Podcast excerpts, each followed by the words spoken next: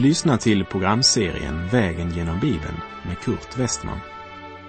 Programmet sänds av Transworld Radio och produceras av Norea Radio Sverige. Vi befinner oss nu i profeten Amos bok. Slå gärna upp din bibel och följ med. Till dig som är ny lyssnare så vill jag gärna säga hjärtligt välkommen att vandra tillsammans med mig vägen genom Bibeln. För på den vägen är det fantastiskt stora variationer. Där finns öknar och där finns oaser. Högt liggande fjällbygder och djupa dalgångar.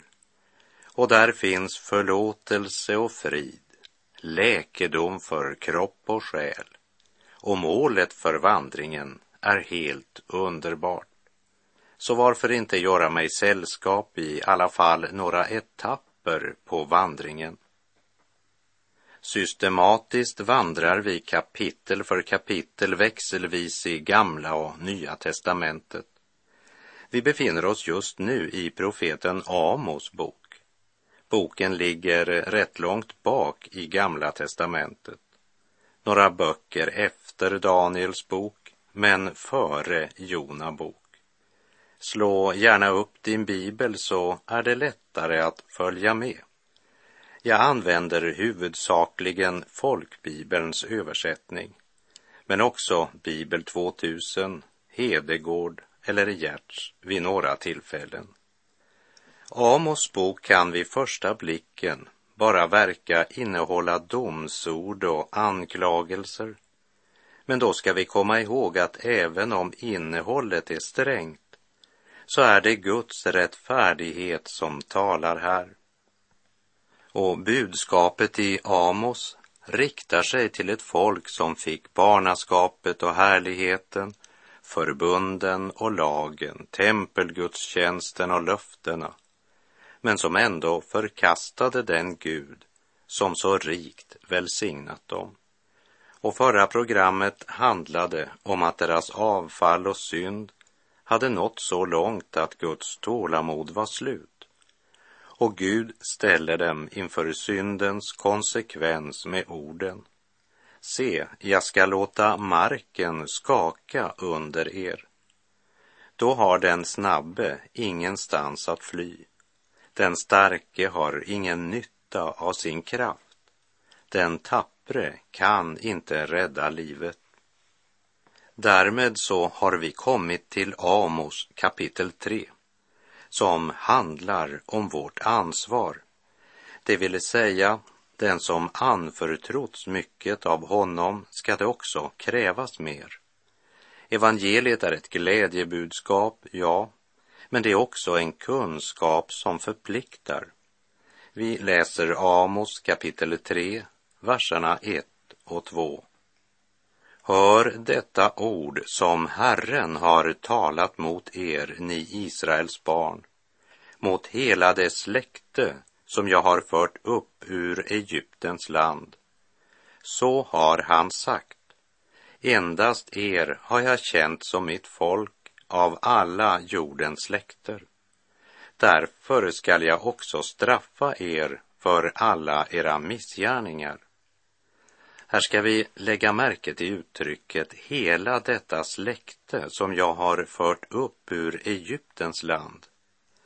Det vill säga, här talar Gud oberoende av den delning som skett mellan Juda och Benjamin å ena sidan och de tio stammarna i nord å andra sidan. Oberoende av i vilket läger de befann sig och vilken stam de tillhörde nu talar Gud till dem som ett folk, en nation. Här går mina tankar till Paulus hälsning till de troende i Galatien, i Galaterbrevet 3, 28.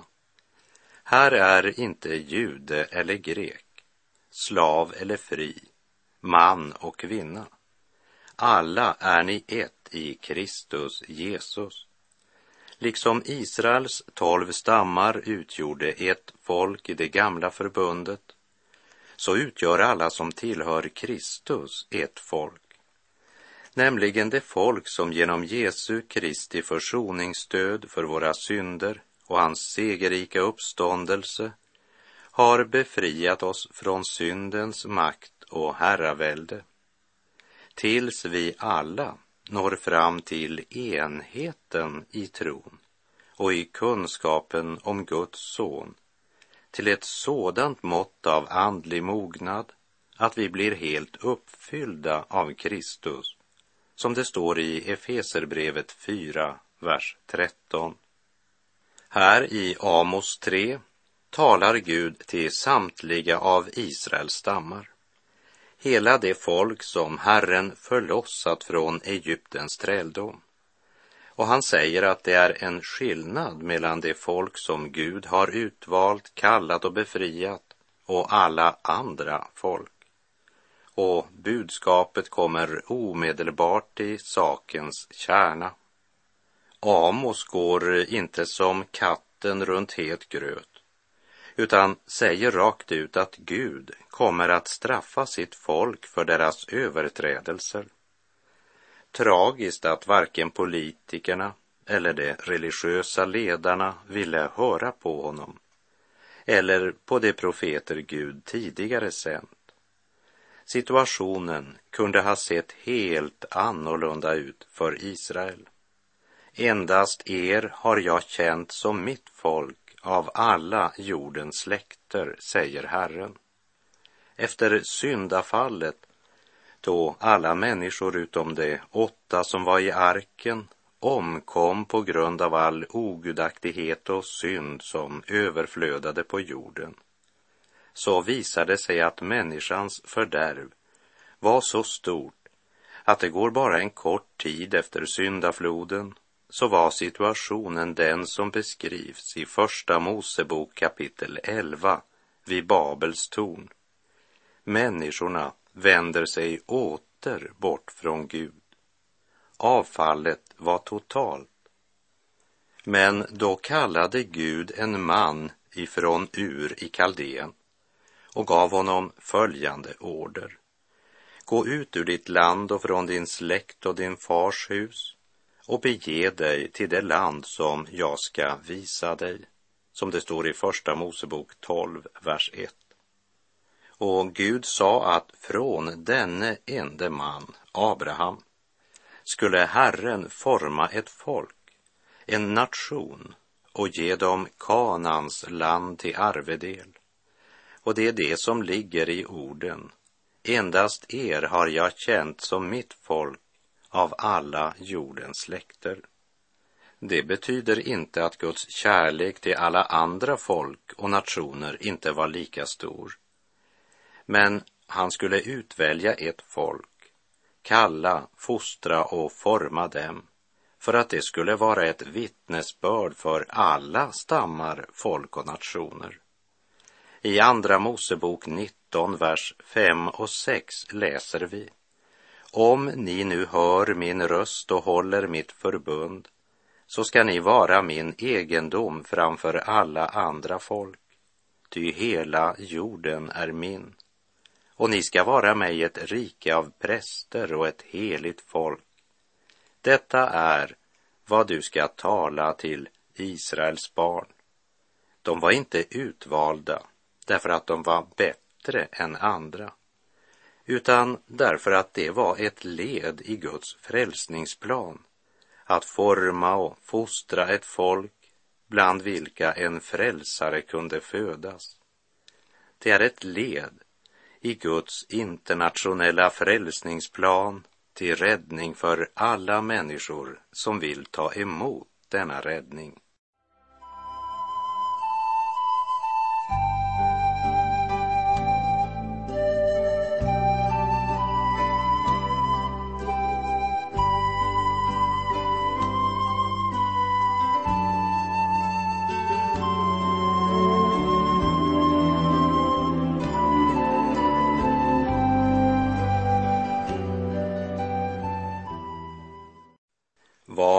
Gud egentligen säger i Amos kapitel 3, vers 1 och 2 är att eftersom de är israeliter, de har barnaskapet och härligheten förbunden och lagen, tempelgudstjänsten och löftena, så ställer Gud också höga krav.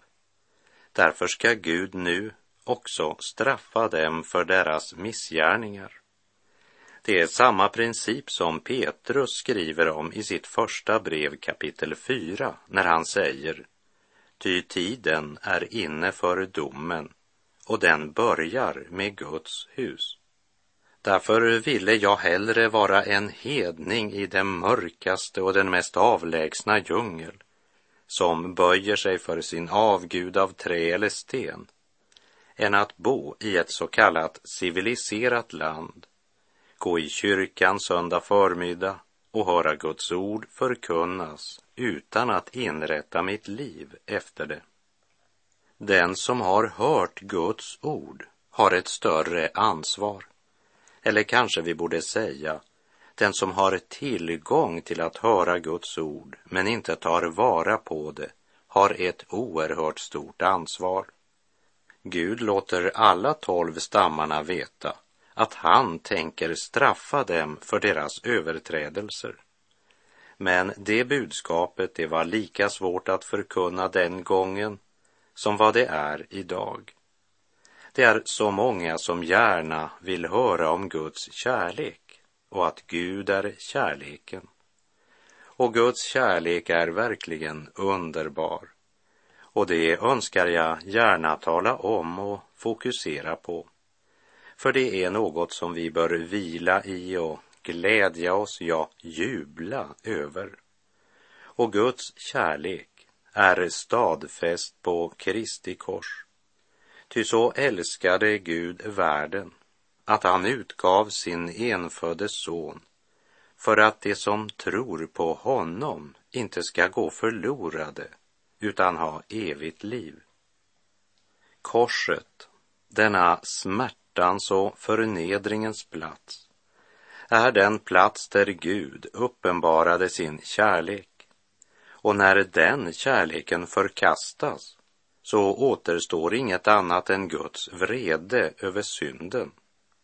Det är många människor som inte tycker att Gud ska straffa synd. Men eftersom det inte är de som styr universet så räknar jag med att Gud gör som han har sagt i sitt ord, med eller utan dessa människors godkännande.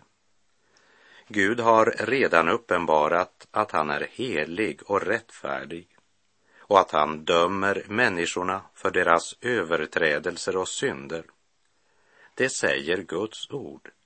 Straff för synd är en logisk konsekvens. Och den enkla herden från Tekoas ödemarker drar sin lärdom från skapelsen och konfronterar sina lyssnare med några tankar från naturens värld. Han serverar följande frågor till det folk som kände sig så trygga i sina synder. Lägg märke till hans första fråga, Amos 3, vers 3. Vandrar väl två tillsammans utan att ha kommit överens om det?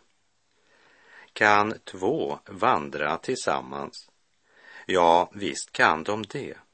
Men de är knappast ute och promenerar utan att vara eniga om det.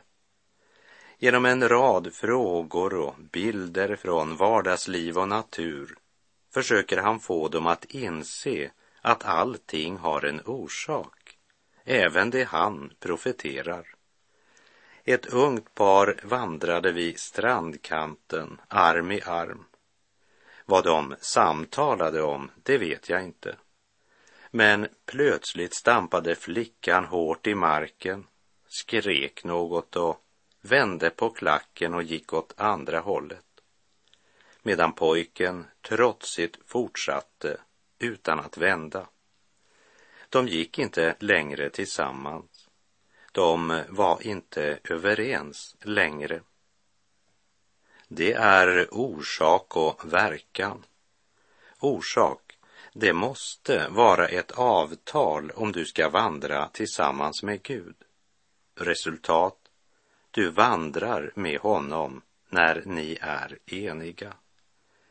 Men det betyder inte att Gud ändrar sig för att bli enig med dig.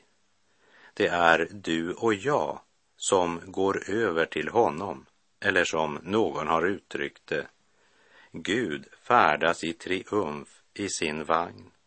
Och om du inte vill hamna under hjulen i den vagnen så är det bäst att du stiger ombord i vagnen och åker med. Trots allt så genomför Gud sin plan med denna värld. Amos fortsätter med en ny fråga, vers 4. Ryter ett lejon i skogen utan att det funnit något rov? Ger ett ungt lejon till ett rytande i kulan utan att det har tagit byte? Det här var något som herden Amos kände mycket väl till. Lejonen var ju en av de faror som lurade på boskapsjordarna. Och folk flest visste att lejonen rörde sig ganska ljudlöst när det var på jakt. Helt tills han har nerlagt sitt byte. Då kan du höra hans rytande. Så här långt var nog många av lyssnarna med. De var väl kända med naturen och skapelsens ordning. Och Amos fortsätter i samma spår, vers 5. Fastnar en fågel i en fälla på marken utan att någon snara är gillrad för den? Slår en fälla upp från marken utan att den gör någon fångst? Än en gång så är det många lyssnare som nickar bifallande. Visst är det som Amos säger. Men Amos har inte kommit till Betels helgedom för att bara prata om naturen. Han har ett bestämt mål med dessa frågor och illustrationer från naturen. Han försöker påminna dem om skapelsens ordning att det är ett samband mellan sådd och skörd och att våra synder får en konsekvens. Och det är en sanning som även vi i vår tid borde meditera över lite grann.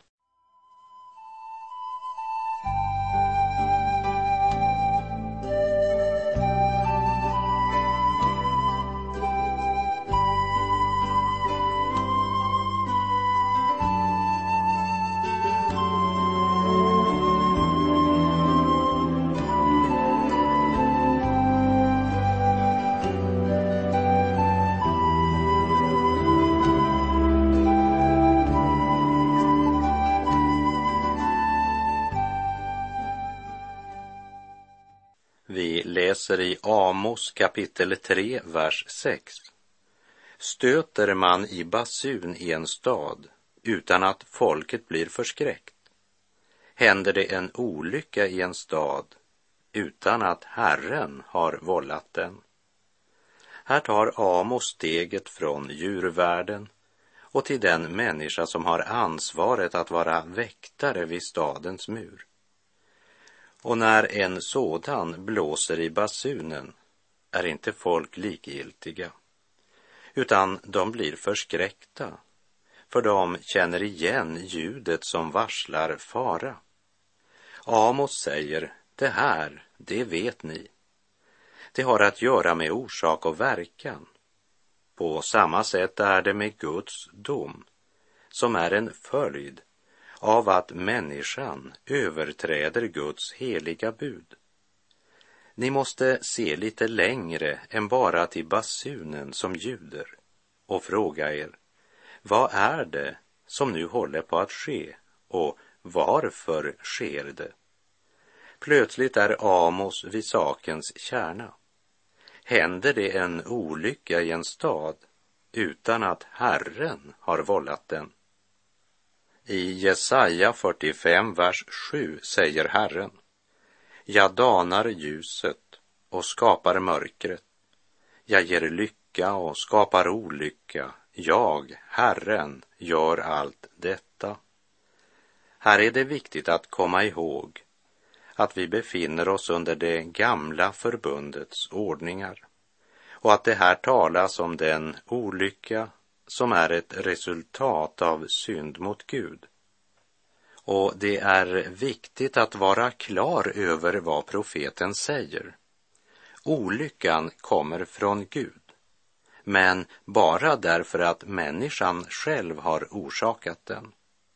Det är skapelsens ordning, att det är ett sammanhang mellan sådd och skörd. Och det är just det Amos försöker få folket i Betel att inse och börja tänka över så att de förstår att liksom väktaren på muren stöter i basunen så ropar Amos nu ut sitt budskap. Och då betyder det att de borde lyssna. För Gud låter inte sina väktare ropa om det inte är något viktigt som håller på att ske. När ett folk reser sig till trots mot Gud så måste lidandet komma. Och det kommer från Gud, som profeten sagt. Men bara därför att människorna själva har orsakat det. Vi läser Amos 3, vers 7. Ty Herren, Herren gör ingenting utan att ha uppenbarat sin hemlighet för sina tjänare profeterna. Guds dom kommer aldrig som en blixt från klar himmel, även om den som förkastar Herrens varningsrop nog upplever det så. Överraskningsmomentet går ju som en röd tråd genom både det gamla och det nya testamentet. När människan minst anar det måste hon göra räkenskap för sin förvaltning. Och Amos säger att Gud sänder inte sin dom utan att han sänt sitt budskap till sina profeter så att människorna kan kallas till omvändelse. I sin gränslösa nåd och kärlek gör Gud allt han kan för att få människorna att besinna sig och tänka om. Men till himlen det ej tvingas, det blott i klockan ringes.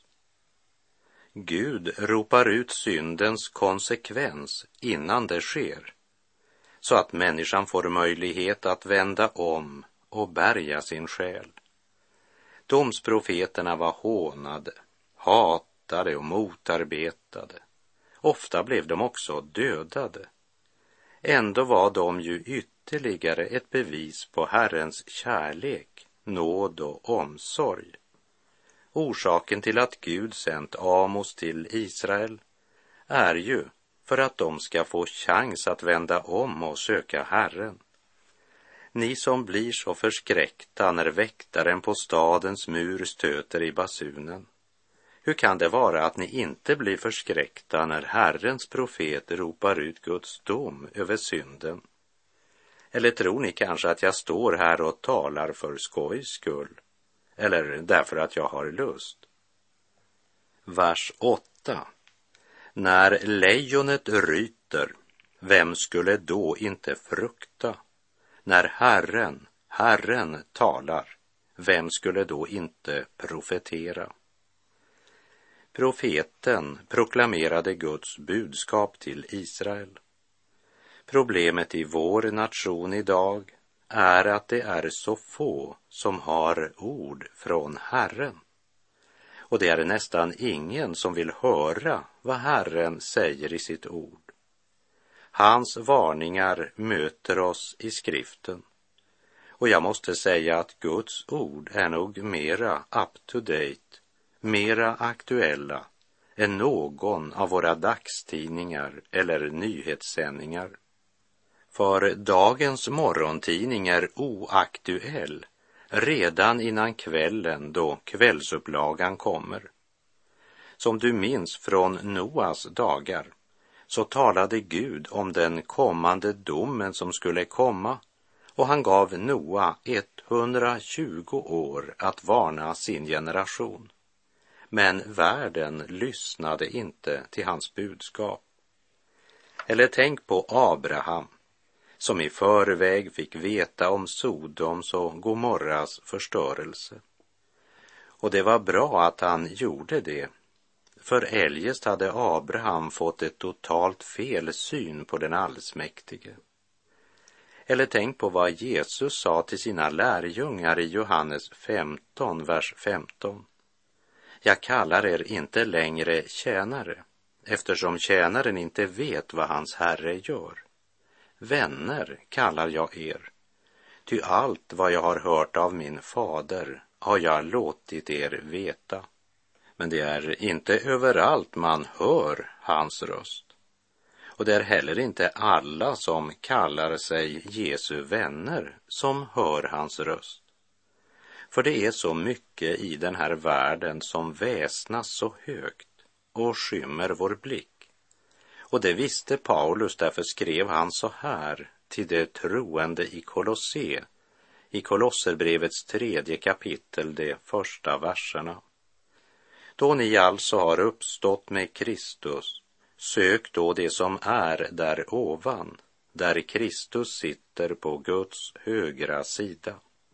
Tänk på det som är där ovan, inte på det som är på jorden. Vi måste dagligen söka det som är där ovan. Räkna med den himmelska världens verklighet och inte bara tankemässigt erkänna denna verklighet utan också leva i den. Till det troende i Korint skrev han i Första Korinthierbrevet 2, vers 12. Men vi har inte fått världens ande, utan den ande som är från Gud, för att vi ska veta vad vi har fått av Gud. Amos ropar till Israels folk när lejonet ryter, vem skulle då inte frukta? När Herren, Herren talar, vem skulle då inte profetera? Men det profetiska budskapet från Gud blir till ingen nytta om du inte lyssnar och handlar efter vad du har hört. I Hebreerbrevet 4, vers 2 läser vi Ty evangeliet har predikats för oss liksom för dem, men för dem blev ordet som de hörde inte till någon nytta, eftersom det inte genom tron hade smält samman med dem som hörde det. Deras olycka var att de bara blev ordets hörare. Budskapet fick eh, ingen verklig konsekvens i deras liv eftersom det inte genom tron hade smält samman med dem som hörde det. Folket i Betel tog inte heller vara på Amos varningsrop.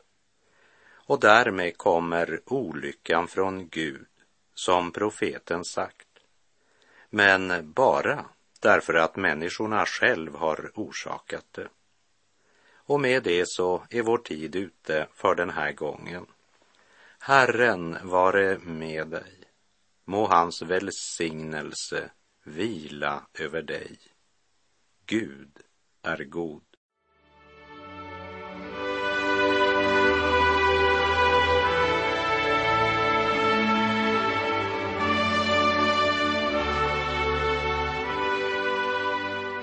Du har lyssnat till programserien Vägen genom Bibeln med Kurt Westman som sänds av Transworld Radio. Programserien är producerad av Norea Radio Sverige. Om du önskar mer information om vårt radiomissionsarbete så skriv till Norea Radio Sverige, box 3419 103 68 Stockholm. Adressen är alltså Norea Radio Sverige, box 3419.